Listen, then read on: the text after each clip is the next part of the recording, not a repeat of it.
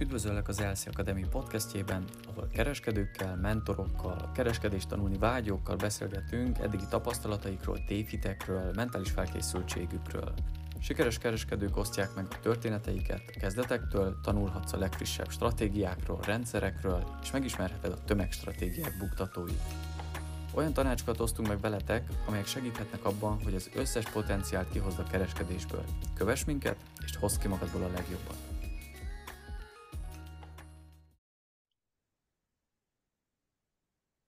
Mai vendégünk Zoli, aki több éve a szakmában van. Social médiában osztalékcsászár név alatt találkozhattatok eddig vele. Szia Zoli! Szia Zoli! Sziasztok! Üdvözlöm a hallgatókat! Pár szót mondj magadról, mióta kezdtél el a kereskedéssel foglalkozni, és hogy hát mi is volt ennek az oka? Hát igazából a tőzsde az ilyen 2014 körül került képbe nálam, és hát próbálkoztam többféle irányvonalon, tehát próbáltam először ilyen day trade akkor az igazából nem nagyon volt túl eredményes, tehát rájöttem, hogy az nem lesz az én világom. Akkor egy kicsit belekóstoltam a Forexba is, ugye akkor még abban az időben az elég felkapott volt, hát az se nagyon jött be. Aztán végül is elkezdtem különböző ilyen befektetési jegyeket, meg ilyeneket vásárolni, és akkor jöttem rá, hogy eredményesebb leszek, hogyha inkább így a befektetés vonalon kezdek el menni, mint a kereskedés irányt választani, és utána, ugye ahogy jobban beleástam magam a dolgokba, ugye előkerült ez a kétféle alternatíva, hogy vagy növekedési részvényekbe vásárolok bele, és akkor árfolyamnyereségből tudok pénzt csinálni, vagy ugye az osztalékból. És ugye hát az osztalék mellett azért ott is lehet árfolyamnyereséget elérni. Pont ezt akartam mondani. De ugye hát azért nem mondjuk több száz százalékos árfolyamnyereséget, de mondjuk normál osztalékos cégeknél, hogyha jókor veszi az ember, akkor azért egy 40-50 százalékot el lehet érni vele. Tehát nekem most, most is jelen pillanatban a portfóliómban van több olyan cég, ami 100%-os árfolyamnyerességgel van bent, de ugye én ezeket nem adom el, mert ugye a, a tehát fordítottan arányos, ugye minél ö, nagyobb az árfolyamnyereséged, ugye annál nagyobb az osztalékbevételed is egy ö, bizonyos cégnél, tehát nekem ö, nem éri meg eladni azokon, ami, ami nagy árfolyamnyereség van, mert ugye ha most mondjuk veszek egy másik részvényt, akkor nem biztos, hogy ugyan annyi osztalékot fogok kapni, mint abból a cégből, amit, amit mondjuk eladtam. Ez tiszta sor. Menjünk vissza még az elejére, amikor mondtad, hogy daytrading-el kezdtél, és külön vetted, később említettel, és aztán belekostoltál a Forexba, akkor a daytrading maga az nem Forex volt még?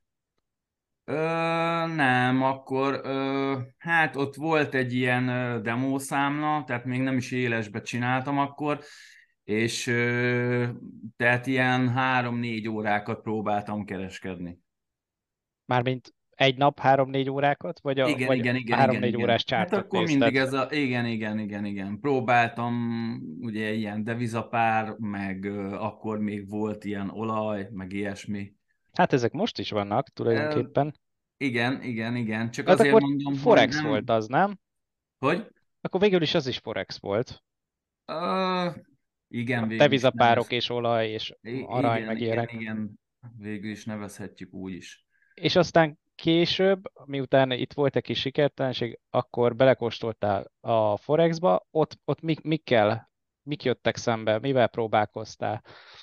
Hát igazából ott nem is nagyon jutottam el odáig, hogy most úgy éles dolog legyen, hanem inkább próbáltam ott is ugye rengeteget olvasni, cikkeket, már akkor felvettem egy-két emberkével kapcsolatot, ugye ott is sokan már akkor mondták, hogy ugyanúgy buktak rajta, tehát a, a, tehát az egésznek a lényege tulajdonképpen az volt, hogy ö, azt a felesleges ö, pénzmennyiséget, amit, amit megkerestem, és mondjuk félre tudtam tenni, azt akartam valamibe úgy befektetni, hogy ö, legyen értelme. Tehát Nyilván ö, ingatlan nem tudtam venni, mert azért annyira jól nem kerestem, hogy most itt ö, akár mm, földet vegyek, vagy, vagy ö, építési telket, vagy lakást. Ö, hm. Tehát a mai napig is ö, igazából az a stratégiámnak a része, hogy minden hónapban vásárolok egy bizonyos ö, mennyiségért, tehát pénz összegbe, de, de például nem csinálnám azt meg, hogy akármennyire mondjuk lent van egy részvény ára, hogy mondjuk egy milliót vagy másfél milliót beleraknék. Igazság szerint kb. 30 perc múlva akartam volna megkérdezni pont ugyanezt a kérdést, amit most megválaszoltál ezzel, hogy tulajdonképpen akkor te minden hónapban veszel osztalék Igen. részvényt, még De... továbbra is saját ö, pénzből. Tehát nem, még, még nem... A... Nem, nem, most nem? Pont a stratégiámon annyit változtattam, hogy már tavaly óta ebbe nem teszek saját tőkét, a saját tőkét azt most másba. Most már eljutottam odáig, hogy tudok ingatlant, de, de az is több, több részletben van. Tehát... Valahogy, valahogy mindannyian az ingatlanra sodródunk, és mindig ott lyukadunk ki. Egyébként a, a másik fele az lett volna a kérdésemnek, hogy vagy nem teszel bele, hiszen már csak az osztalékot pörgeted vissza. Igen, tehát tulajdonképpen... Tehát akkor most már van én... akkora tőke, hogy akkor ez így I- fenntartja igen. önmagát. És ez is volt a cél, tehát most eljutottam odáig, hogy már a, ugye most körülbelül 6-7 éve csinálom, hogy a portfólióm kitermeli azt a mennyiségű osztalékbevételt, hogy mondjuk a, a kezdeti osztalékokat majdnem hogy kapom.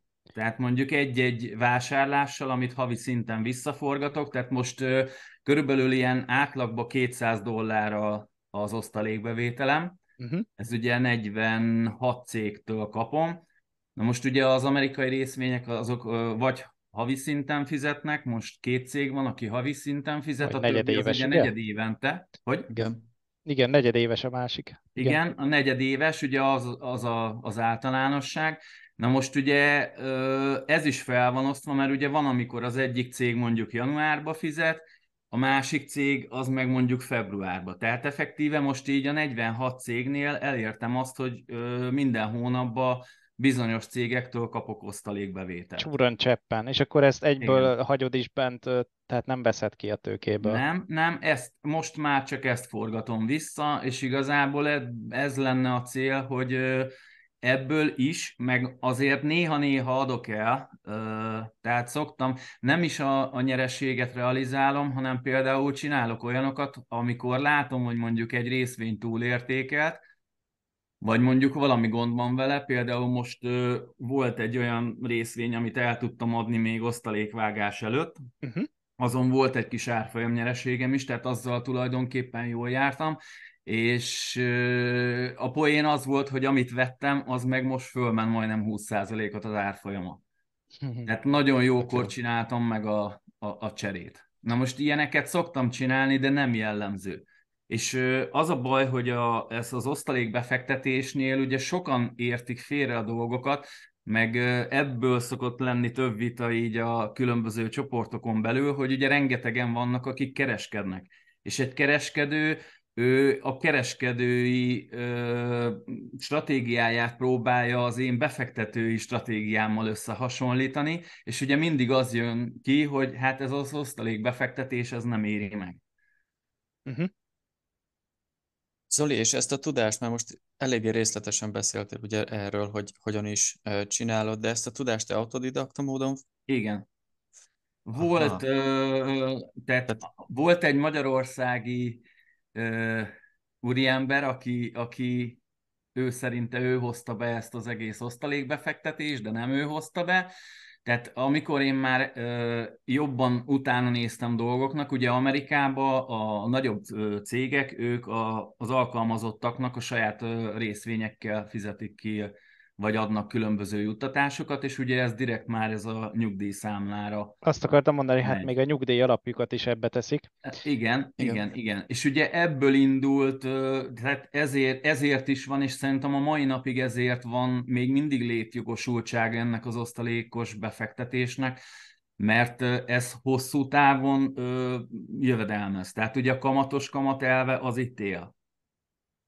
Igen, és ebből na, annó olvastam, hogy főleg amikor Covid idején leszakadtak a tőzsdék, és a részvényeket sem kímélte arra a kis, kis időre, nagyon nagy viták voltak ebbe. Hogy is hívják? 400k, vagy K400? Igen, valahogy 401k. 401k, hogy milyen jogon és mégis hogy képzeli az állam azt, hogy olyan embereknek kényszeríti bele a nyugdíját és a jövőjét, tulajdonképpen egy befektetési alapba teszik, vagy több befektetési alap kezeli ezeket a 400 kágat, és semmi közük a befektetéshez, nincsen pénzügyi ismeretük, és mégis ott van az ő nyugdíjuk. Hát igen, és a másik probléma pedig az, hogy, hogy ugye ebben nagyon, tehát van, aki bele tud szólni, vagy van, aki például ismerek olyan úriembert, akivel tehát, tartom a kapcsolatot egy pár amerikai befektetővel is, akinek nagyobb portfóliója van. Tehát ismerek olyanokat, akinek ilyen 500 meg 1 millió dolláros portfóliója van, Uh-huh. És uh, például ők is azt mondták, hogy, hogy uh, nem kezdenék se a kriptót, se ETF vásárlás, semmi, hanem ő marad ebbe, és ezt csinálja. De ő aktívan csinálja, vagy csak belekényszerült ebbe? Nem, hát ők már csak veszik ki jó formán. Tehát ott is az egyik, hát a, egy idősebb úriember van, ő például csak az osztalékokat veszi föl, tehát ő már részvényeket nem nagyon vesz, tehát a, nem aktívan kezeli a portfóliót. A másik, ő például ugyanezt csinálja, amit én, hogyha úgy gondolja, hogy valamelyik részvénynél mondjuk túlértékelt a részvény, akkor ő inkább eladja, és ugyanúgy átforgatja egy másik részvénybe. Tehát hm. neki mondjuk elég durva, mert ilyen, nem is tudom, 100-120 cég van a portfóliójában. Tehát ő Nekem... is szeret diversifikálni. Nekem ezzel mindig, mindig az volt a bajom, amióta a tőzsde világában így élek, hogy ki az az egy cég, akire én rábíznék egy millió dollárt, vagy 500 ezeret, vagy bármennyit? Hát szerintem én biztos, hogy senkire sem mert ö, sajnos ö, most tekintsünk el a ritkaságtól, tehát a BlackRock az örök, de ezek a broker cégek jönnek és mennek, és csettintenek egyet, és már nincsenek sehol. Hát bekönnyeznék. Ez, ez a legkevesebb. Ez így van. De, most... de most, ha nem csak ilyen céget, most vegyük példának mondjuk a Teslát. Oké, okay, hogy ugye amikor én 10, 8-19 környékén különböző csoportokba írkáltam, ugye akkor volt egy ilyen nagyon nagy fellángolás, hogy mindenki Tesla részvényt vett, fú, ennyit keresek, annyit keresek. Jó, ment is fel az árfolyam, nem tagadom. Meg Apple-t, meg Microsoftot. Nem, akkor inkább ez a Tesla őrület ment, és akkor utána volt az, hogy nagyon sokan nagyon sok pénzt buktak el. Pont ezért, mert hogy ugye mentek a, a többi ember után. Tehát volt olyan, én emlékszem, hogy már ö, ö, valami ezer százalékos volt a pépere értéke, tehát mondták, hogy abnormális. Tehát biztos, hogy, hogy ez a cég ez nem fog tovább menni. És akkor be is zuhant utána, nem is tudom rá, egy két-három hónapra az árfolyam. Tehát most oké, okay, hogy azóta gyártanak rengeteg autót, meg, meg van bevételük, meg nem hiszem, hogy mondjuk az elkövetkezendő négy-öt évben probléma lenne a Teslával, de, de nem befektetési nem tanács? E, igen, nem befektetési tanács, Igen. és ezért mondom, hogy én biztos, hogy nem tenném bele a pénzem. Uh-huh.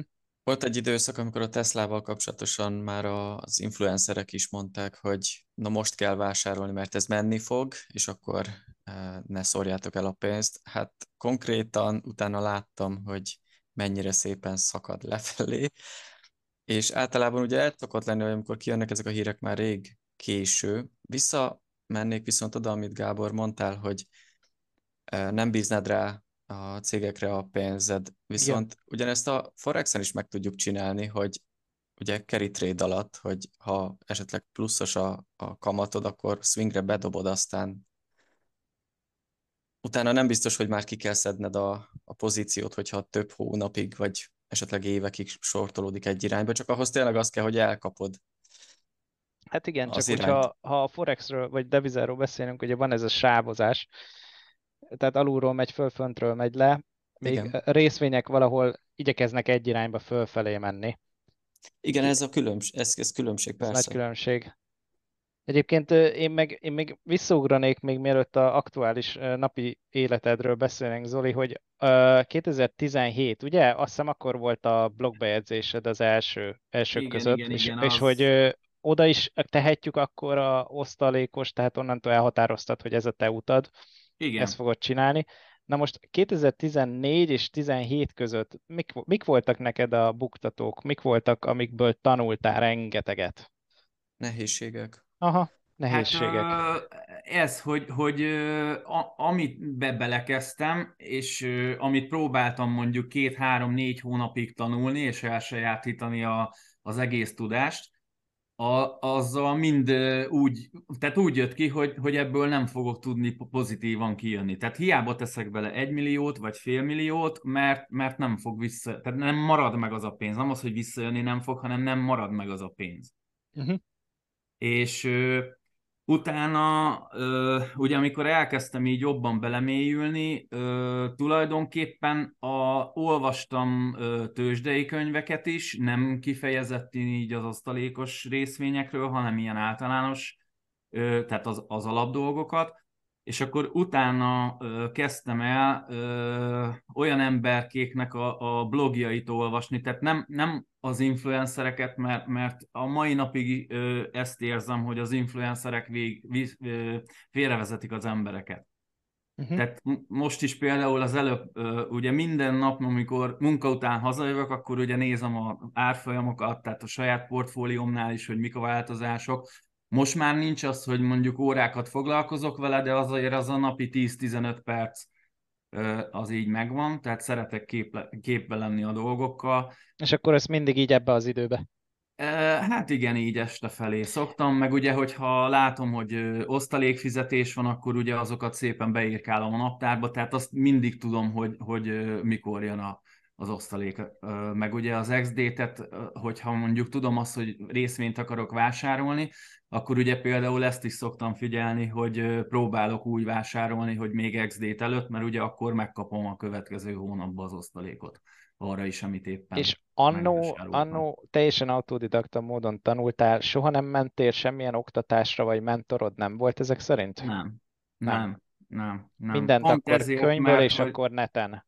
Igen, tehát pont ezért, mert voltak olyan emberek, akik akkor is már, már olyan összegeket akartak elkérni, hogy mondtam, hogy nem. Tehát nem tudtam volna megfizetni, de nem is akartam. És rengeteg olyan, olyan blog van fönt, ami Németországban is elég sokan csinálják, ott még mindig ugyanúgy megvan a kultúrája. Ö, mondom Amerikát, az, az ugye ott a Az őshaza, ő- igen. igen. Ö, mondhatnék még országokat, de mondjuk az már annyira nem jellemző, tehát mindig is az volt inkább a, a lényeges számomra, hogy a, a, az alap dolgokat az, hogy ö, egy részvényelemzés, tehát a fundamentális dolgok, hogy mit kell nézni, hogy kell nézni, az körülbelül egy hónap alatt megtanultam. Azzal semmi probléma nem volt. Utána volt ugye sokkal nehezebb a helyzet, amikor már élesbe ugye megnyitottam a, a, az első számlát, és ugye elkezdtem vásárolni a részvényeket, és, és az, hogy, hogy milyen ö, kiválasztás alapján, tehát ugye magát a stratégiát elkezdeni csinálni. Ez a számla még mindig az a számla, amiről publikálsz? Hát most Vagy ez- ö, vagy ez már jelen teljesen pillanatban másik? úgy néz ki, hogy nekem 7 darab TBS számlám van, és most kettő broker cégnél, kettő hazai broker cégnél van. Sajnos a Random Capital, akikkel kapcsolatban voltam, és ott is volt ismerettség, aki, akikkel végül is közösen is dolgoztunk egy ideig. Nagyon sajnálom, hogy ők így bedobták a törölközőt. Tehát nekem csak tartós befektetési számlák vannak, ugye az, adó, az adó, adózás szempontjából fontos, tehát ez is megint a stratégiámnak a része, és ugye ezt a hét számlát viszem most folyamatosan. Tehát hét számla két brokernél. Igen, És ez a kettő, mind a kettő magyarországi. igen. Nem mi- érné, bocsánat, csak egy Mondjad. Technikai kérdés, hogy nem lenne lehetőséged amerikai brokernél nyitni? Hát most... Nem lenne olcsóbb a költséged?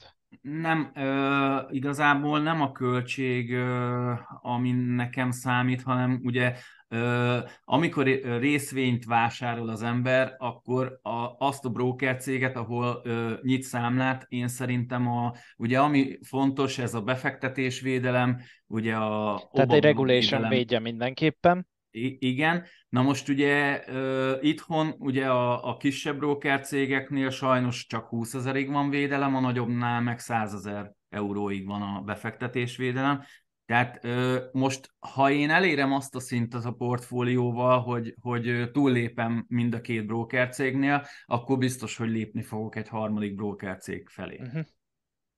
A, azokat a broker cégeket, aki ilyen nagyon olcsó, meg tőzsdén kívüli kereskedés, meg ilyenek nem szeretem. Tehát van az egyiknél nyitva egy számlám, de, de nem bízok meg benne. Rendben. Jó, megválaszoltad végül is. Nálunk itt Angliában azt hiszem ez 80 ezer font, és a FCA, aki véd. FCA, tehát igen. Uh-huh. Tehát ö, mindenképpen itt is én is olyan helyre tenném, és csak a 80 ezerig. Tehát így, így végül is szét lehet szórni bankoknál is, meg brokereknél is a pénz, hogyha egy kicsit több van. Lényeg, hogy 80 ezer alatt tartsuk. Gondolom, akkor ezt a stratégiát követette is. Igen, Első igen. része, hogy igen. felügyelet alatt legyen mindenképpen, másrészt pedig a második része, amennyit levédenek, az alatt tartani a tőkét annál a brokernél, és akkor következőnél menni, aki szintén első rész felügyelet alatt legyen, és akkor megint alatta tartani. Gondolom, akkor ezt követed. I- igen, igen. És mondjuk, ha a, most a hét számlán kívül, ha nyitnék, és ugye ott már nem biztos, hogy mondjuk az amerikai brokernél a TBS, mert ugye most egy vagy két helyen van, ami, ami elérhető, a többi helyen broker cégnél még nem nagyon lehet, de aztán lehet, hogy mondjuk 3-4-5 év múlva már, már az is menni fog. Nem tudom, ez még a jövő zenéje, de mondom, így, tehát nekem a külföldi broker cégekkel az a bajom, hogy ha valami gond van, akkor az nagyon sok idő igény szerintem, mire visszakapod a pénzed, vagy a részvényeidet. Uh-huh. És, és akkor ebben ezek... nem szeretnék így belefutni. A TBS dolog pedig neked adózás szempontjából fontos, ugye? Igen. Tehát Magyarországon nekem ez van a valami csökkentett dolog. Igen, ugye itt most úgy van jelen pillanatban, hogy a, a, amit most idéntől van az osztalékok után a forrásadó, az eddig 15%-ot vontak le, most idéntől már 30%. Ez soknak tűnik, ez a plusz 15%, de most már elmondhatom, most a következő cikkembe pont erre is van egy lehetőség, illetve hát ezt most én saját magamnak csinálom, mert eddig én ugye minden hónapban visszaforgattam az osztalékbevételeimet, most viszont három havonta fogok csak vásárolni. Tehát ezzel a, a, a, mivel ugye a magyarországi broker díjak az ilyen 7-8 euró között van, már elég sokat tudok spórolni. Tehát uh, majdnem, hogy azt a 15%-os plusz adót, amit, amit idéntől le, levonnak, azt így meg tudom spórolni. Tehát ugyanott vagyok, mint tavaly.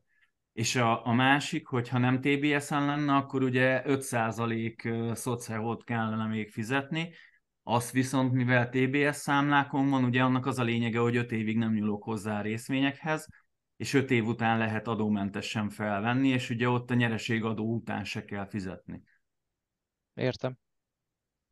Na most nekem már járt le több számlám, igazából azokat a részvényeket is ugyanúgy pörgettem tovább, tehát ott mindig a lejárat előtt a december elején a broker cégtől kapok egy levelet, és akkor a, van lehetőség arra, hogy legyen részkivét, ugye nyilván akkor el kell adni a bizonyos részvényeket, vagy ha van KP a számlán, akkor azt fel lehet venni, vagy pedig lehet választani azt, hogy nem bontanak föl semmit, de akkor automatikusan januártól ugyanazok a részvények átkerülnek egy új számlára.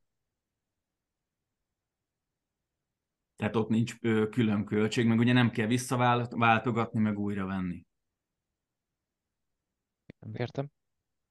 Doli, én még visszakanyarodnék itt uh, arra, amit mondtál, hogy külföldön ugye németeknél meg, megvan a kultúrája ennek, uh, és és hogy sokszor mondtad a blogokat is, hogy ha jól értem, akkor leginkább külföldi forrásból próbáltál annó információkat gyűjteni? Nyilván a könyveket Igen, is. port, portfóliókat, rengeteg portfóliót néztem. Ugye a, a, az első mondjuk 5-6 cégnél, amit, amit beválogattam a portfóliómba, azok egy, végül is próbavásárlások voltak. Na most azóta nekem is van, hát körülbelül szerintem egy ilyen 8-10 cég volt, a, a, amiket eladogattam időközben. Ott volt olyan, ami osztalékot vágott, volt, ami, ami tud, tehát mondták, hogy nem igazán fog működni, tehát nem, nem fog tudni növekedni a cég. Na most, ha a számok is azt mutatják, akkor nyilván, hogy eladom. Most volt mondjuk kettő olyan cég, aki, akivel hát árfolyam vesztességet értem el, nem is keveset. Most pont ezt, erről is akarok majd írni egy cikket, és múlt héten is, meg a héten is ezt nézegettem, hogy, hogy most én követtem el ott hibát, hogy rosszul elemeztem magát a céget, vagy, vagy többen követtünk el, mert ugye azt a részvényt mondjuk nem csak én vásároltam, hanem mások is, és igazából másfél-két évvel ezelőtt azok a cégek teljesen rendben voltak, tehát fundamentális Értem. adatok alapján. Most Értem. ugye ez mind uh, itt közbeszólt a, a Covid, közbeszólt a gazdasági válság, háború, stb. Tehát ezt gondolom nem kell lecsetálnem. Uh, és amit észreveszek, hogy például most a, a növekedési részvényeknek sokkal jobban áll a szénájuk, idézőjelben, mint az osztalékos részvényeknek, mert ö, rengeteg osztalékos cég, aki nagy cégek, tehát például Pfizer, ö, kit mondjak még, a cigaretta, tehát a dohánygyártó cégek, egy-két ilyen bankos cég hát 30-40 százalékot ment le az árfolyama ezeknek a cégeknek. Na most ugye uh, itt a Pfizernél is például benne van az, hogy, hogy ha ez így fog haladni, akkor lehet, hogy mondjuk fél év múlva, vagy egy év múlva azt fogják mondani, hogy nem fizetnek osztalékot. Ugye az osztalékot Igen. azt nem kötelezi a egyik cég se, vagy illetve a cégeket nem kötelezik, hogy ők osztalékot fizessenek. Viszont ezzel bevonzanak a vevőket magukra hát, a részvényekre, tehát a féle csaliként használják, gondolom. E, e, igen, végül is lehet úgy is nézni. Tehát bevonzani és megtartani egyben. Ezzel árfolyam növekedést elérve. Ö, igen, hát meg ugye, ami, amit sokszor ö, szoktak még nézni, hogy ugye a saját cégek is a saját részvényeiket vásárolják vissza. Mert ugye az is megtévesztő lehet, amikor mondjuk van egy nagyobb árfolyam mozgás, vagy valami, akkor nem biztos, hogy azt mondjuk pont a piac befolyásolja, vagy a, a kis befektetőknek a vásárlásai. Viszont ezért ez limitálva van, gondolom, tehát azért erre figyelnek, hogy... Hát ö, igen, igen. Ne, ne legyen belőle, hogy hogy is mondjam, fekete leves, tehát ne csapjon vissza rájuk. Persze, persze. Hát ugye ez ugyanúgy a cégvezetés, a, a fundamentális adatokat azt ugye muszáj úgy csinálni, hogy, hogy az szépnek tűnjön. Meg kell És a sok cégnél ki van kozmetikázva ráadásul. Regulation azért figyeli ezeket, hogy hát, ne, ne lódítsák meg nagyon az árat egy nagy bolyommal. Igen. Tehát a manipulációra gondolok De itt. igazából ez, ez ugyanúgy a növekedési cégeknél is érvényes, ha azt vesszük, tehát ott is azért bele lehet nyúlni. Esetleg neked van a, a Big Seven-ből? A Magnif- Magnificent Seven-ből? Valamelyik részvényed? Mm, nem, nincsen. Egyik sem? Nincs. Na, megleptél, pedig pont kérdeztem volna. Tudod, kikről beszélek? Mostanában a, még ünnepek előtt csináltam azt, hogy, hogy volt egy kis szabadidőm, és leültem, és körülbelül egy ilyen három-négy nap alatt, hát egy olyan 150 részvényt kielemeztem. Szerettem volna még két-három céget beválogatni a portfóliómba, de nem tudok. Tehát érdekes, hogy... Akkor 2000... nem azért nincsen, mert te is úgy véled, hogy már ők túl vannak árazva, Nekem van mondjuk körülbelül 5-6 ilyen fundamentális mutató, amiket szoktam nézni, ugye ez a stratégiám része, és hogyha egy vagy kettő nem stimmel, akkor onnantól tártalan az egész, tehát nem is vizsgálom tovább. Uh-huh.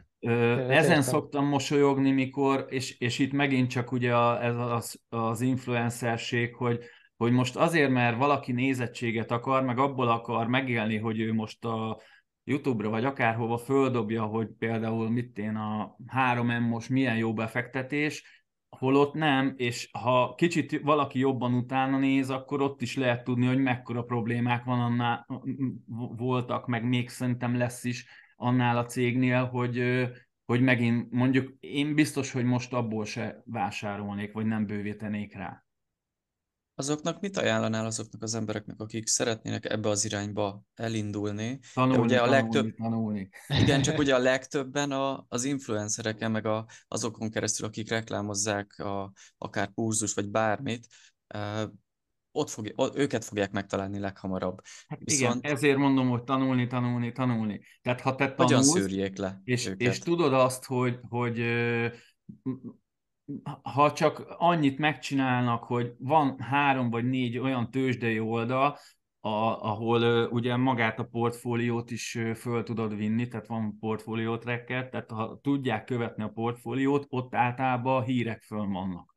Tehát én a, a 17 végétől majdnem 2019-ig minden hétvégém arról szólt, hogy ültem és olvastam a cégeknek a negyedéves jelentéseit, és hogy, hogy fú, mert most ez ilyet jelentett, meg olyan, és akkor ez a tuti befektetés. Aztán rájöttem, hogy tök fölösleges, mert uh, időpazarlás, tehát az, hogy most ha mit tudom én, van uh, egy rosszabb hír, vagy valami cégnél nem úgy jön be valami, akkor lehet, hogy mondjuk egy fél évig vagy egy évig rossz, de utána, és ugye ö, csökken az árfolyama, de utána meg megy fel.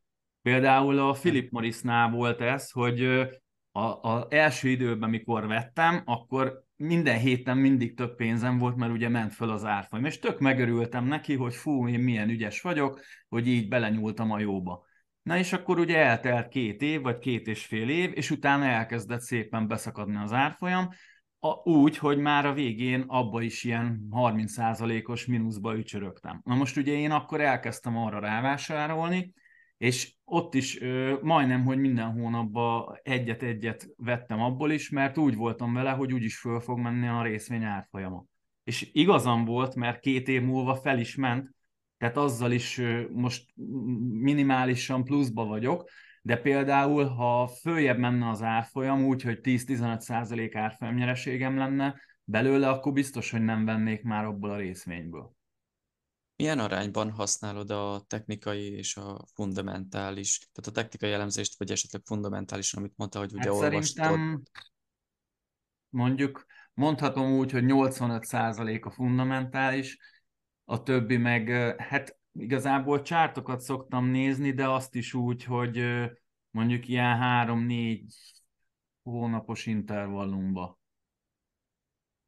De az, hogy most mit én csatornába megy az árfolyam, vagy kitörés van lefelé, fölfelé, meg ilyenek, a, annyira az nem érdekel, hanem a, a, az összkép, amikor ránézek a csártra, akkor azt úgy szeretem látni, hogy most ebbe látom azt, hogy ez föl fog menni, vagy, vagy azt látom, hogy mondjuk nem. Egy hosszabb távon. Vagy vagy pedig annyira fölment, tehát van olyan cég, hogy mit én egy hét alatt fölmegy 25%-ot az árfolyam. És, és ugye az influencerek nyomják, hogy fú, ezt most nagyon kell venni, mert ez most nagyon jó. És akkor tudom, hogy nem, mert, mert ezt, ezt most nem kell venni.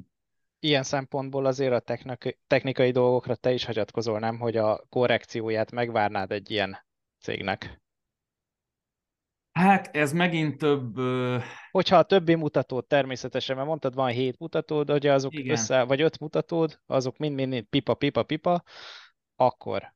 Igen, igen, igen, igen. De, de mondom, tehát például most az utóbbi időben azt próbálom elérni, hogy a, azok a cégek, amik már nagyobb kitettséget értek el a portfólióba, tehát ilyen, mit én, 5-6-7 százalék kos kitettségem van, hogy azokból nem nagyon szeretnék bővíteni. Pedig van, ami ott is mit én, 40% mínuszban van, de, de nem merem azt, hogy, hogy még rávásárolok, és mondjuk mit én portfóliómnak a 15%-át kitenni, és mondjuk akkor benyögnek egy osztalékvágást. Vagy azt mondják, hogy felfüggesztik az osztalékfizetést, mert annyira rosszul megy a cégnek.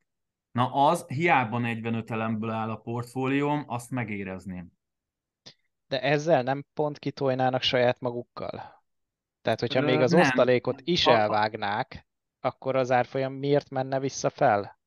Hát azért, mert uh, ugye ha nem kell fizetni az osztalékot a kis Akkor azt mondjuk fejlesztésre használják. Persze, persze, persze. Jó. Hát most uh, az Intelnél ez volt. Az Intelt az pont időbe adtam el, ott is osztalékvágás volt, ott uh, tudom, hogy uh, realizáltam uh, vesztességet, de ott is, a, amit vettem helyette, tehát a, azt a pénzt, amit az Intelből kiszedtem, az három másik részvénybe raktam át, és abból kettő nyereséges volt, tehát ugyanott vagyok, mintha az Intelben lenne a pénzem, viszont attól a három cégtől az osztalékbevételem az kétszer annyi, mint amit az Inteltől kaptam. Értelek. Tehát nekem már megérte az, hogy én akkor az Inteltel adtam, még úgy is, hogy vesztességet realizáltam. Amúgy most ö, majdnem, hát nem is tudom, 20 vagy 30 százalékot fölment az Intel is. Ugye amióta itt a növekedési cégek elindultak fölfelé. Hát meg gondolom már ott az Intelnél is közbeszól az AI, mert ugye azokat a komputereket is a, el kell látni hát processzorra. Nem, ez még előtte volt, akkor jelentették be, hogy Indonéziába egy hatalmas nagy gyárat fognak építeni, és rengeteg tőkét kellett kivonni. Aha. És volt még más probléma is, ami, ami így befolyásolta akkor a, a ezt az egészet, hogy, hogy osztalékot kell vágni, de szerintem mo- lehet, hogy most már például a, az dobta meg az árfolyamot felfelé, a, a, amit ti is mondtak, hogy ez a mesterséges intelligenciás dolog. Én csak a Nvidia-ból indulok ki, ami tényleg megállíthatatlanul megy, mint az állat. Hát igen.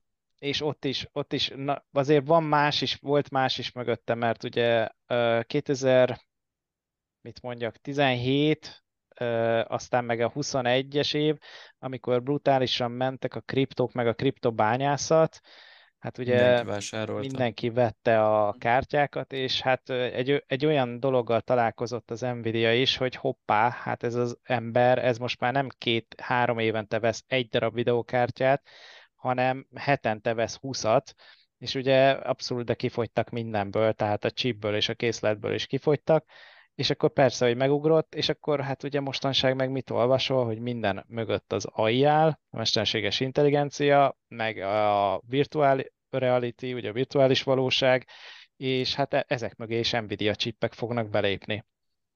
Úgyhogy, úgyhogy csak nyomják, nyomják, nyomják. Egyébként ő lett volna az, akit megkérdeztem volna a részedről, mert a Teslát azt úgy nagyjából tárgyaltuk, de még a Big 7 azért van pár, és ebből az egyik az Nvidia, hogy nézegette, de és mi a véleményed róla? Mert szerintem én nem mernék ennyire fent. Nem, és, én, és... én biztos, hogy nem. Ö, lehet, tehát nem tartom kizártnak, hogy emelkedik tovább, mert ugye ezt senki nem tudja előre, hogy mi lesz, meg hogy lesz, de nem tudom, tehát ö, tényleg nem, ne, nem, nem is az, hogy most a fundamentum alapján vagy ránézek a csártra, hanem tehát most egy, egy osztalékos részvénynél, ha ránézek, azt egyből meg tudom mondani, hogy igen vagy nem. De, de ennél nem. De ugyanígy van, a, tehát mit én most mondhatnánk a metát is, Filóztam most amúgy azon, hogy nekem is ugye a stratégiám része az, hogy például olyan osztalékos részvényeket, aminek az induló osztalékhozama az nem éri el mondjuk a 3%-ot, hogy olyat nem tartok a portfóliómba. És ugye azért nem tartok, mert Ugye az osztalékfizető részvényeknél úgy van, hogy a, ami kisebb induló osztalékhozamú, tehát mit én 1-2 százalékos, ugye az majdnem ugyanúgy működik, mint egy növekedés részvény. Tehát ott az árfolyam ö, növekedhet annyit, hogy ö, abból ugyanúgy ö, mondjuk lehessen ö, árfolyamnyereséget realizálni. És ugye sok osztalékbefektető ezért tart a, a portfóliójának mondjuk a 30-40 százalékába ilyen részvényeket, mert ugye ott nem csak a, az osztalékbevétel az, ami, ami jön, hanem mondjuk 10-15 év alatt azért szép árfolyamnyereséget is el lehet érni. Igen, és jó is, hogy említetted a metát, amikor kitalálta a Zuckerberg, hogy akkor rámennek a virtual reality-re, és milliárdokat át fognak csoportosítani arra az osztályra, na akkor brutálisan beszakadt a meta. Valami, nem is tudom mennyit veszített, de egy ha, két harmadát elveszítette a teljes értékének. Valahogy hát így igen, remlék. de hát most ez megint mind, minden hogy... virtuális, tehát ilyenkor, amikor egy ilyet látsz, akkor átgondolod-e, hogy érdemes-e. Tehát a, e technikailag és fundamentálisan is megnézed, fundamentálisan hallod, hogy a faszi az egy all nyomot kb. Tehát most mindent ebbe teszünk, viszont technikailag azért lehet mögötte benne potenciál, hogy ez, ez azért valahol mehet, és lásd, majdnem négyszeres, 400 százalékot hozott azóta.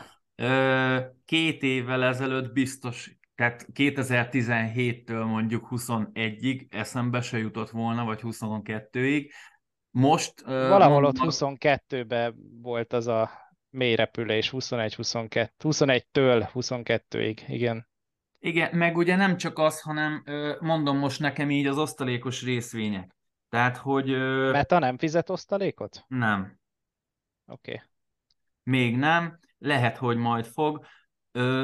Mondom, tehát most ugye megint a, a másik dolog, ami, amiről még nem beszéltünk, hogy ugye az, az RTF-ek ugye nagyon nagy divat lett mostanában. Tehát főleg nem? most, hogy a most, Bitcoin hogy meg Bitcoin az Ethereum. Is. Igen.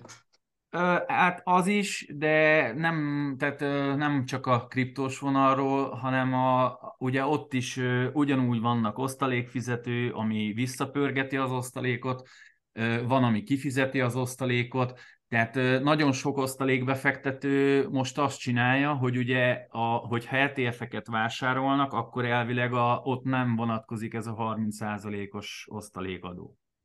De viszont mondom, teljesen más, és hosszú távon ö, sokkal drágább. Tehát ott ö, most ebbe így nem akarok belemenni, mert mindegyiknek más a, az árazása, tehát nem akarok félre vezetni senkit. Van, ami olcsóbb, van, ami drágább, de mondjuk egy ilyen 5-10 éves intervallumban sokkal nagyobb veszteséget lehet elérni ezekkel az ETF-ekkel, mint hogyha maradna az osztalékos portfólióba azok a cégek, ami mondjuk ilyen osztalékbajnok, ami 25 meg 50 éve fizet osztalékot.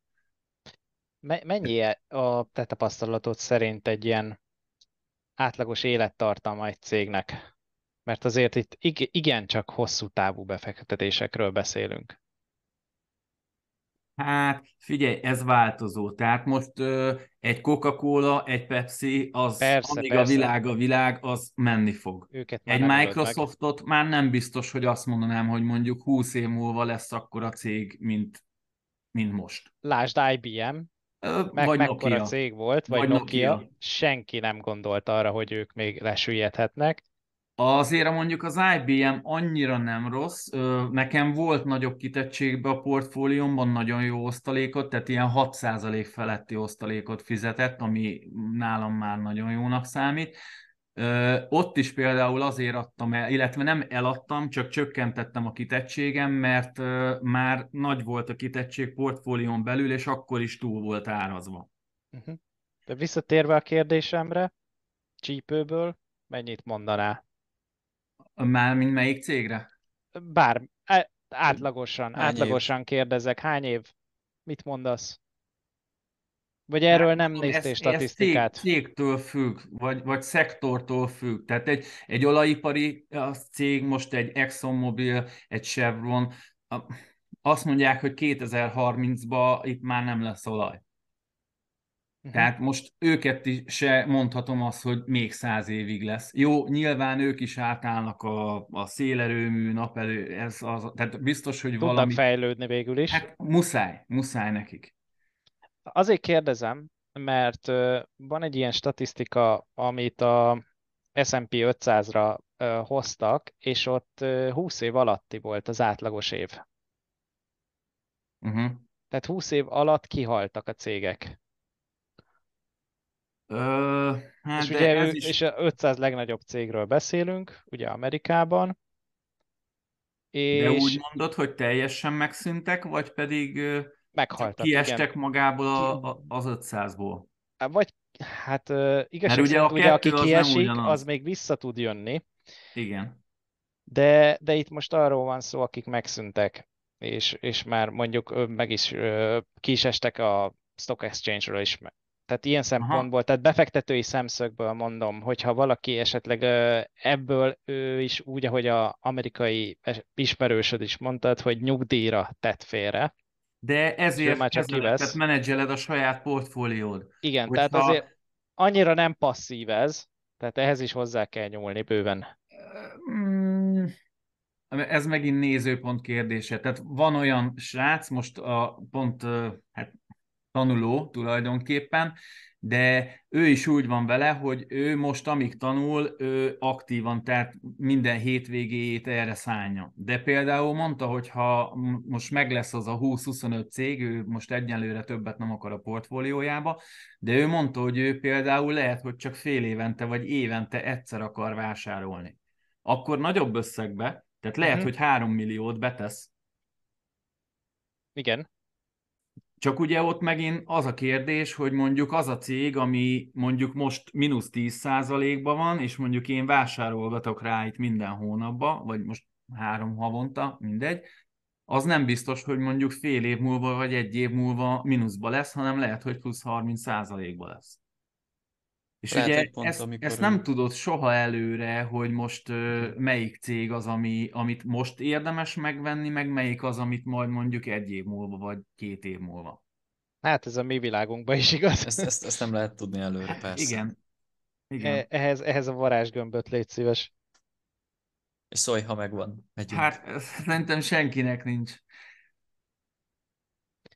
És ezen szoktam mosolyogni, hogy ugye a, a, a, sok ö, okos ember, akik hirdetik itt a kurzusokat, és a 4-500 ezer forintos kurzust ajángatják, hogy majd ő megmondja, hogy mi a tuti. Tehát ha, ha ő tudná, hogy mi a tuti, akkor miért, miért a kurzust árulja ennyiért?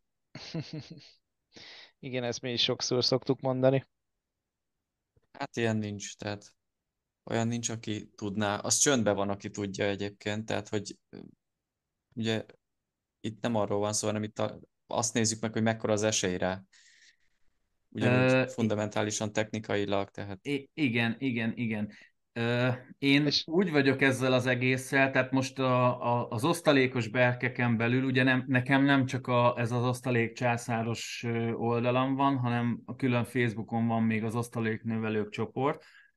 Ugye én azt az egész csoportot azért csinálom a mai napig, mert én egy közösséget akartam létrehozni, és az lett volna a, a, a lényeg, hogy ne 400 ezerért, meg ne 50 ezerért, hanem ingyen egymásnak lehet esetleg nem is az, hogy most tippeket adni, csak segíteni a másikat. Tehát ha valaki elakad valamibe, feltesz egy kérdést, én amúgy a mai napig, hogyha valaki rám ír messengeren, válaszolok rá. Tehát próbálok segíteni. igen, hát ezt sokan nem is teszik meg egyébként mentorok közül, hanem gyere, fizess elő, és Hát, akkor Uh, igen. Amint, beszélgessünk. és amint csattant Igen. a számlán a pénz, onnantól is van felejtve az illatű általában. Uh, igen. És ezért, ezért is kérdeztük a elején tőled, hogy neked voltak-e ilyen élményeid, mert, mert a legtöbb ilyen beszélgetésünk az pont így kezdődik az emberekkel, hogy sajnos ez, ez, ez az átlag. Nem, viszont ö, a mai napig tartom a kapcsolatot ugyanígy, tehát van akivel jó kapcsolatot, van akivel rossz kapcsolatot. Ö, Voltam olyan előadáson is, ahol, ahol pont ez a behúzósdi volt a, a lényeg, és ö, én ugye naívan nem tudtam, illetve hát nem gondoltam, hogy az lesz a, a vége, de aztán utóbb kiderült, hogy az egész csak erről szólt.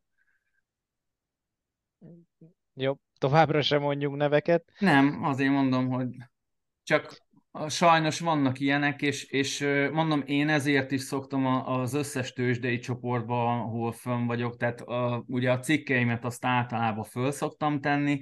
Most nyilván akit érdekel az osztalékos befektetés, az fölmegy és elolvassa, akit nem, meg nem, az meg tovább görget. Igazából ennyi. Jó, ö, szerintem itt ennyire gondoltunk. Szeretnél -e még valamit hozzátenni, vagy valamit még esetleg kérdezni? Kérdezni. Köszönöm a meghívást. Na, nagyon szívesen. Nagyon szívesen. Mi köszönjük, hogy eljöttél, időszakítottál ránk, és ebbe az érdekes világba adtál egy kis betekintést nekünk is. Nem áll távol tőlünk, mert valahol, valahol, valahol találkozik az egész, ha más nem a nevében, mint tőzsde. És érdekes volt hallani azt is, hogy pont a fordítottja a tiéd, a 85% fundamentális, 15% technikait mondtál. Igen.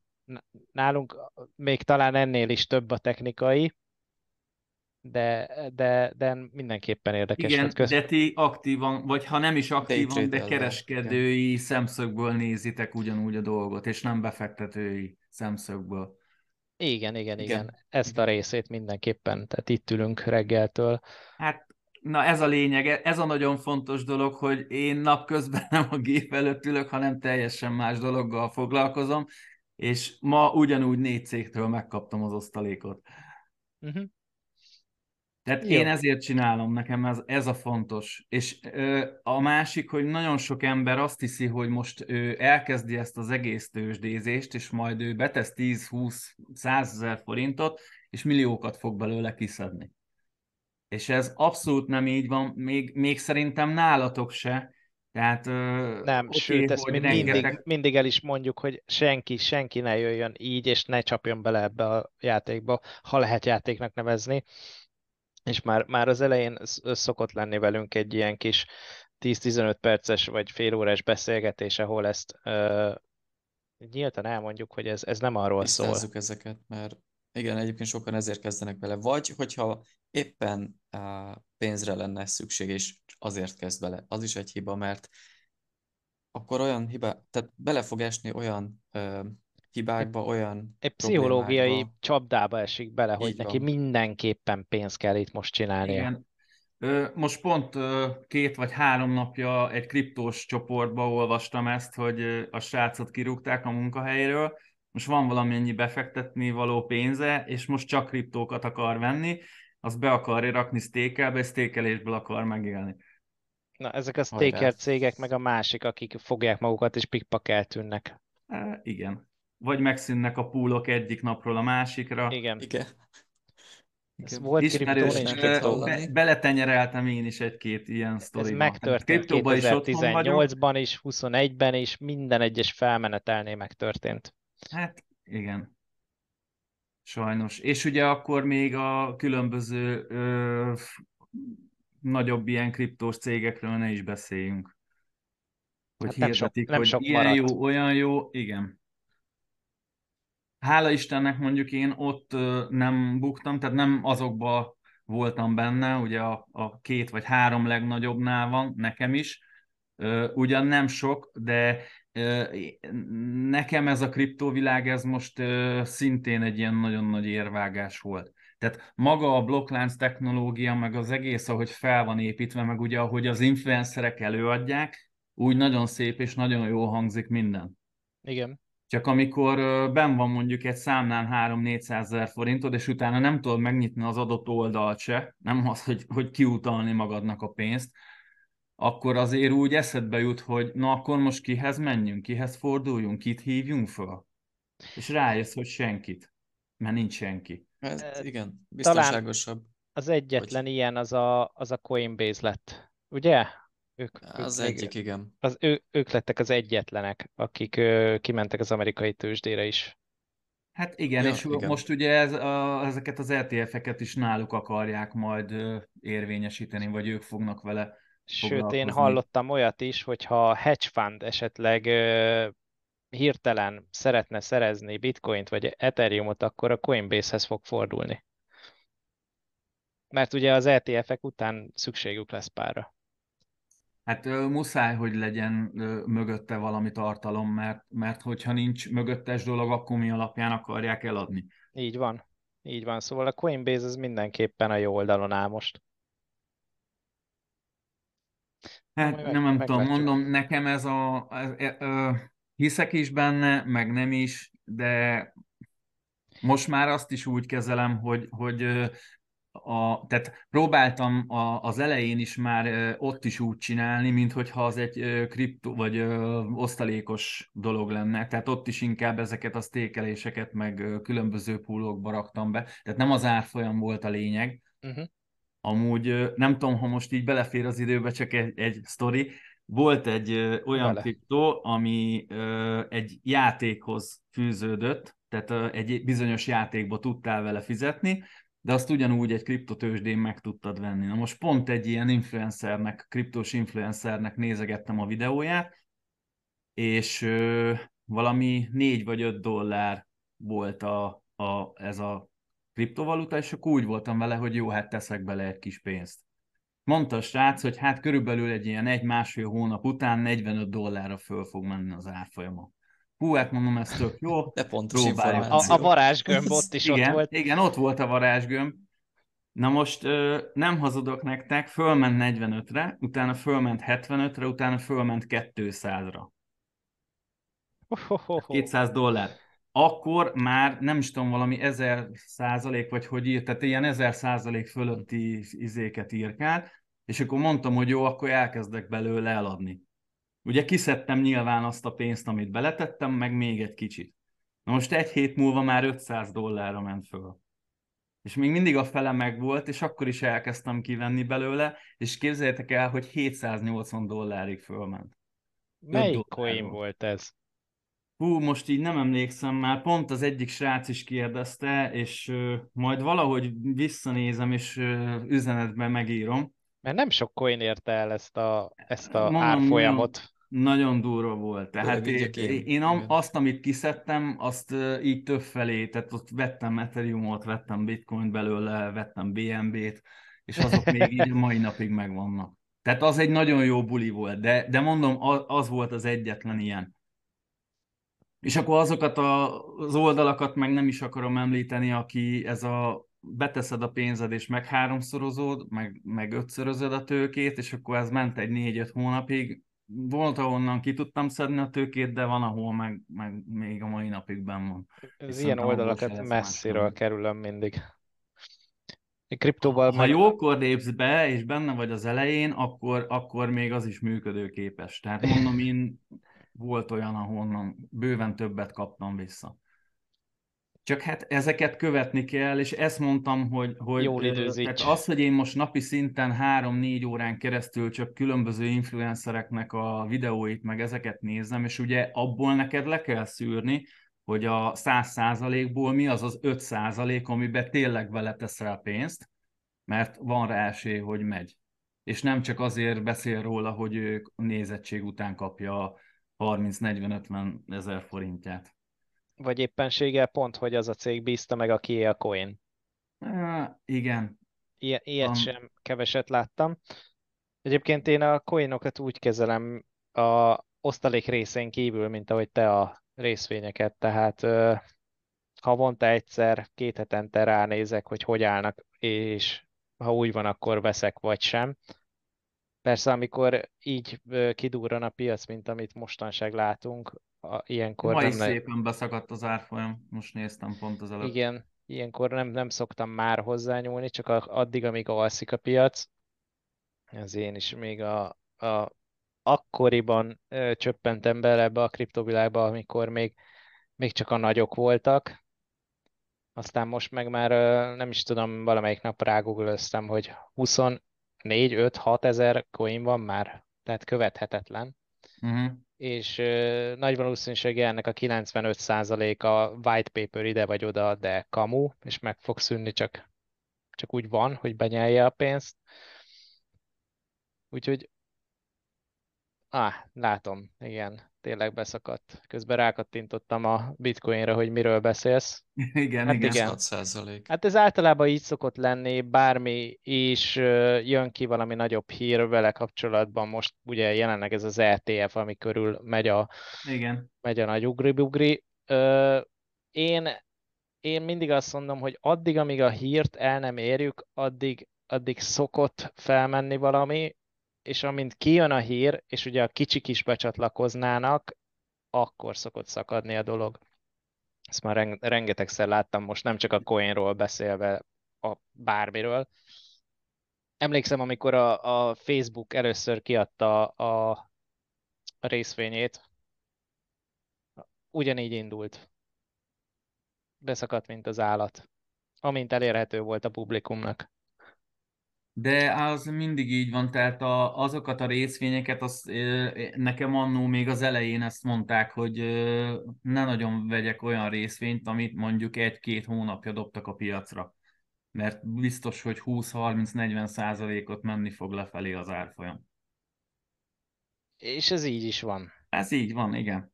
Viszont, hogyha benfentes vagy, és még az IPO előtt tudsz venni, talán az a legjobb, nem? Hát igen, igen, igen. De mondjuk ez két éve pont ugyanígy volt, hogy most kimondom, szerintem abból nem lesz probléma. Binance-en voltak ugye ezek a, az új kriptót mielőtt listázták, akkor volt egy ilyen egy bizonyos napon meghirdetett, hogy két-három óráig tudtad venni. Uh-huh. Igen. Igen. És ö, például én azokban mindegyikben benne voltam, én akkor nyitottam náluk a számlát, tehát azt folyamatosan követtem, és mindig, ö, mit én, ilyen 20-30-40 dollárokat lehetett aznap keresni. De már másnap, ha valaki vett, akkor biztos, hogy ott már bukó volt belőle. De hát ebbe is ott kellett lenni, ö, és követni az eseményeket. Tehát a, a, a, aki nem csinálja, tehát most azért mondom, hogy az, hogy én havonta vagy három havonta vásárolok egyszer, az nem azt jelenti, hogy én napi szinten nem nézek rá. De, de mondom azt, hogy most Hát Például, Például, amikor hazaérkezelt 5-10 perc, ránézel, mi történt? Igen, van, kész. amikor mondjuk nézek egy filmet, vagy valami reklám van, és a kezemben van a telefon, fogom, benyomom, és ugye nekem a portfóliómat is külön látom a trackereken, tehát külön minden hetet akár meg tudom nézni, hogy éppen hogy áll a aktuális árfolyam. De, de annyira az nem érdekel. Hanem ha mondjuk tudom azt, hogy mm, volt például ilyen az IBM-nél, hogy pont bejelentettek valamit, valami mm, negyedéves jelentés volt, és így egyik napra a másikra 16%-ot fölment az árfolyam. És akkor úgy, úgy elgondolkodtam, hogy most eladjam, ne adjam, aztán végül soha nem adtam el, de amikor volt olyan, hogy mínusz 15 meg 20%-ot csinált valamelyik részvény, akkor viszont volt olyan, hogy pont azért vásároltam. Tehát amúgy is vettem volna részvényt, de, de azért esett rá a választásom, mert aznap volt egy ilyen hír. Hm. Hát ez a mázli faktor is benne van néha. Hát igen. De hát ö, e, szerintem itt mindenbe. Tehát most az ugyanúgy a, a Forexre is, a kriptóra is, tőzsdére, mindenre igaz, hogy, hogy kell hozzá szerencse is. Meg az élethez is. Hát ah, igen, ahhoz kell a legnagyobb szerencse. Kockázat, nyilván azt kell minél jobban mérsékelni, ugye a stratégiába vagy az elemzésekkel. Hát igen, és ö, nagyon sokat mondtam egy időbe ezt, a, hogy ö, ugye szokni kell a, a maga a pszichológiailag is az, hogy mondjuk neked veszteséged. Most tök mindegy, hogy realizálod, vagy nem realizálod, de amikor Persze. mondjuk kitört a Covid, és két hét alatt buktam két és fél milliót, annyira nem esett jól. Nyilván nem realizáltam, de, de bennem volt, hogy reggel úgy keltem föl, hogy na, Igen, hát az ott floatingol, és azért ott van az emberben, hogy Hát jó, Azért csak nem- ez, ez szokni kell. Tehát azért ke, én ezért is kezdtem az elején azt, hogy kicsibe. Tehát 100 ezer, 200 ezer, 300 is ugye így ment fölfelé az egész. Tehát most körülbelül én ö, olyan 9 millió forint környékén raktam be a, a, az egészbe. Na most ö, pont most ugye karácsonykor volt ez a évvégi nagy számolgatás, és eddig az összportfólióm az 10 ezer dollár osztalékbevételt termelt 2017-től. És most 44 ezer dollár a, a portfólióm értéke. Tehát azért, hogyha most így belegondoltok, az már elég nagy szám. És például én most tudom, hogy úgy, hogy nem teszek bele tőkét, ebbe az évbe, ha nem csődölnek be a cégek, és nem lesz több osztalékvágás, akkor 2500 dollár osztalék bevételem lesz, uh-huh. amit Azt vissza tudok forgatni. Igen, azt tök jó. Igen. Jó, uh, Zoli, neked van-e kérdésed felénk? Egy kérdés van, ha már így beszélgettünk a Forexről, meg a kriptóról, hogy uh, ti melyikbe láttok nagyobb fantáziát hosszú távon? István?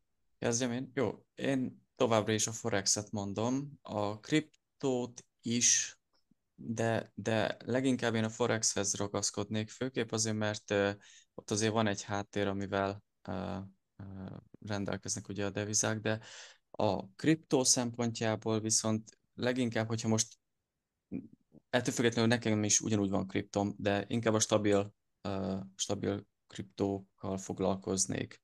Tehát a shitcoinokat azt én így hagynám. Uh-huh. Van abból is, de azt uh, hosszú távra nem feltétlenül uh, engedném ki, mert általában ezek a pump and dumpok szoktak történni. Hát igen, 90%-ban. Igen, igen. Inkább a stabil coinok, illetve a Forex-et mondanám. De a Forex az egy jóval, tehát a Forexnél is ugye, hogy napi kereskedő vagy, vagy swing kereskedő vagy, ez megint két külön dolog.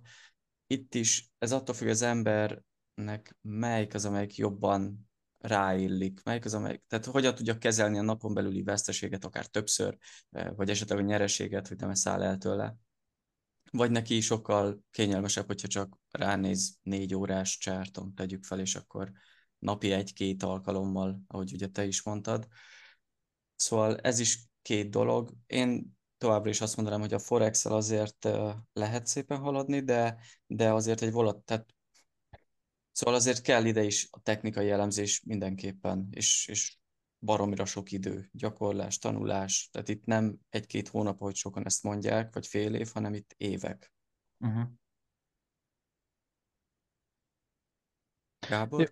Magam részéről én, én, én olyan vagyok, hogy minden, mindenbe mindig bele, úgyhogy én Forex is, meg kriptó is, és a Forexet rövid és hosszú távon is, de most a rövid táv az, az ugye az a reggelejénket jelenti, amikor is 6-7 órától itt vagyunk délig, és akkor foglalkozunk a Forex-el, mint day trade szempontjából, szóval de viszont nem is olyan rég zártam le egy 11 hónapos kínai index pozíciót, szintén Forexen, szóval vannak swing, na, vannak swing pozícióim is, ezek természetesen külön számlán, különben nagyon brutálisan összezavarná a statisztikát, nem is lehet azt úgy vezetni. Úgyhogy úgy, mint ahogy te is Zoli, tehát mondtad, hét számlád van, így nekem is vannak elkülönítve a hosszú távú megbízásokra külön számlák, úgyhogy az ugyanúgy technikailag elemzem, viszont sokkal, de sokkal több fundamentális részt viszek bele. Tehát pont azt látom, amit te is mondtál, hogy valahol minél hosszabb egy pozíció, vagy minél hosszabb egy befektetés, annál több fundamentális hátteret kell neki nyújtanod. A kriptó oldalán abszolút soha életemben nem kereskedtem le rövid távon, day trade, vagy bármilyen kevesebb, mint hónap. Az mindig is hosszú táv, ez, ez a buy and hold, ez a holder, és ott is a nagy, nagyok közül nekem is vannak shitcoinjaim, de azok tényleg csak a, a, a kávépénz, úgymond. Tehát, hogyha bejön, bejön, ha nem, akkor nem fáj annyira. Uh-huh. Úgyhogy mind a két oldalt egy kicsit én is pártolom. Nehéz azt mondani, hogy csak ez, vagy csak az. Tehát, de azért legyen egy stabil. Így van, Meg különben... az, hogy, hogy mind, mindegyikben van egy kis izgalom szerintem és azért aki benne van, tehát most így, hogy beszélgettünk, a, a látom rajtatok is, hogy hogy nem arról szól a sztori, hogy most ú, ben, vagyok három órát, négy órát, legyen meg az a napi X pénzem, vagy valami, és akkor utána menjünk ide-oda-moda, hanem ti is szívből, lélekből csináljátok. Nem, mert ö, talán már talán már azon túl vagyunk, azon az életkoron.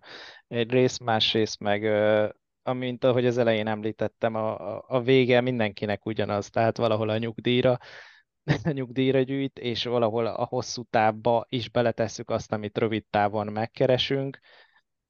Így a magam részéről ezért is vannak a hosszú távú coin befektetések, meg a hosszú távú ingatlan befektetések, meg a hosszú távú ez, meg az, meg amaz, és ettől függetlenül ö, valamit kell csinálni napközben is, tehát nem unatkozhatunk, ezért van ez a day trade.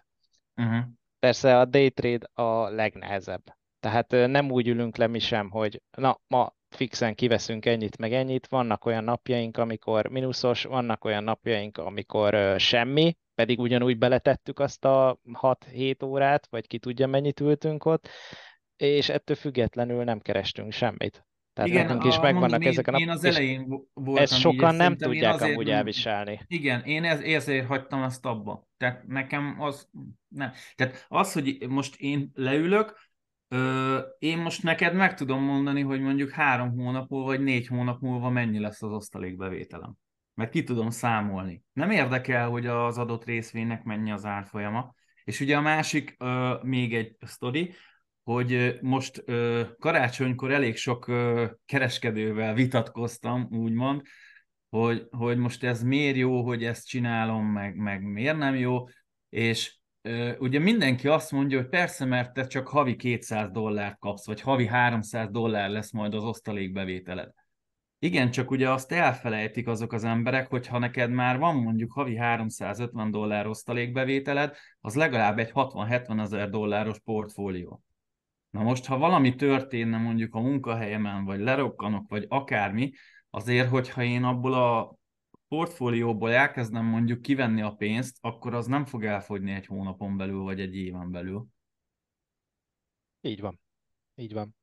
Ö, magam részéről az ingatlanokkal vagyok így, tehát hogyha most ö, bármi történne velem, attól még tulajdonképp ki van adva, lakó fizetni fogja nekem ugyanúgy. Tehát ugyanúgy, mint nálad ez az osztalék dolog, csak nekem máshol van áthelyezve. Mm. És uh, talán ez megint visszavezethető arra, hogy ami, amit már sokszor is mondtunk, hogy uh, és becsüllek, tényleg felnézek rád, hogy így, így vagy, uh, hogy melyik az a broker, akire rábízol ennyit? Hát ezért mondtam az elején, igen, hogy, igen, hogy igen, ez, ezt, ezért ezt nem teszek be többet. Mert, Igen, ezt mert, és ezért próbálok diversifikálni brokeren keresztül is. Nyilván, ha most valahonnan kapnék mondjuk 100 ezer dollárt, biztos, hogy, hogy nyitnék broker számlákat, még legalább hármat, és a 100 ezer dollárból max 50 ezeret raknék el. Uh-huh. Vagy mondjuk kimaxolnám most a, a, az itthoni ö, cégeket, tehát a, a tőké a 20 ezer euróig, meg a 100 ezer euróig, hogy a tőke az bent legyen. Ugye én tudom, hogy mennyit raktam bele, most az, hogy a, mennyi az árfolyamnyereség, az nem érdekel, de viszont onnantól már akkor azt csinálnám, hogy ugye ö, amikor bejön az osztalék, nekem akkor már nem kellene részvényt venni, azt tartom a számlán, ugye a, a számlán lévő devizára is fizetnek, ugyanúgy van rá befektetésvédelem, és akkor mondjuk, amikor lejár az adott TBS számla, akkor meg kivenném a pénzt, és raknám át másba. Így van. Hát ez is egy módja, ugye mindenki más, mindenki másképp csinálja. Igen, itt egyetlen egy dolog van, hogy neked folyamatosan növekedni kell, mert ha nem tudod elérni azt, hogy növekedj, az infláció az meg fog jenni. Tök mindegy, hogy most neked ingatlanod van, vagy részvényportfóliód van, vagy állampapírban van a pénzed, de növelni kell mindig. Így van. Köszönjük szépen, Zoli, hogy részt vettél a podcastünkben, Nincs és várunk el. vissza egyébként majd a jövőben további témákkal, vagy addigra megbeszéljük, hogy akkor hogyan alakultak a, a, a részvényeid, illetve esetleg mi is addig összeszedünk pár kérdést, amiket Jó. föltettek a többiek, akik megnézték a videót, és további jó kereskedést akkor. Köszönöm, nektek is. Szép estét, Zoli, köszönjük, hogy jöttél, szia! Köszi, sziasztok! Szia. Köszönjük, hogy meghallgattad a mai adást. Reméljük hasznos és érdekes információkat kaptál a podcastünkben. Ha szeretnél több tartalmat tőlünk, akkor kérlek, iratkozz fel a YouTube és Spotify csatornánkra, és ne felejts el követni minket TikTokon és Instagramon. Ha még jobban szeretnéd követni a munkáinkat, csatlakozz ingyenes Telegram csatornánkhoz is, minden információt és linket megtalálsz az lcfx.net oldalunkon. Köszönjük, hogy velünk voltál, és várunk vissza a következő adásban.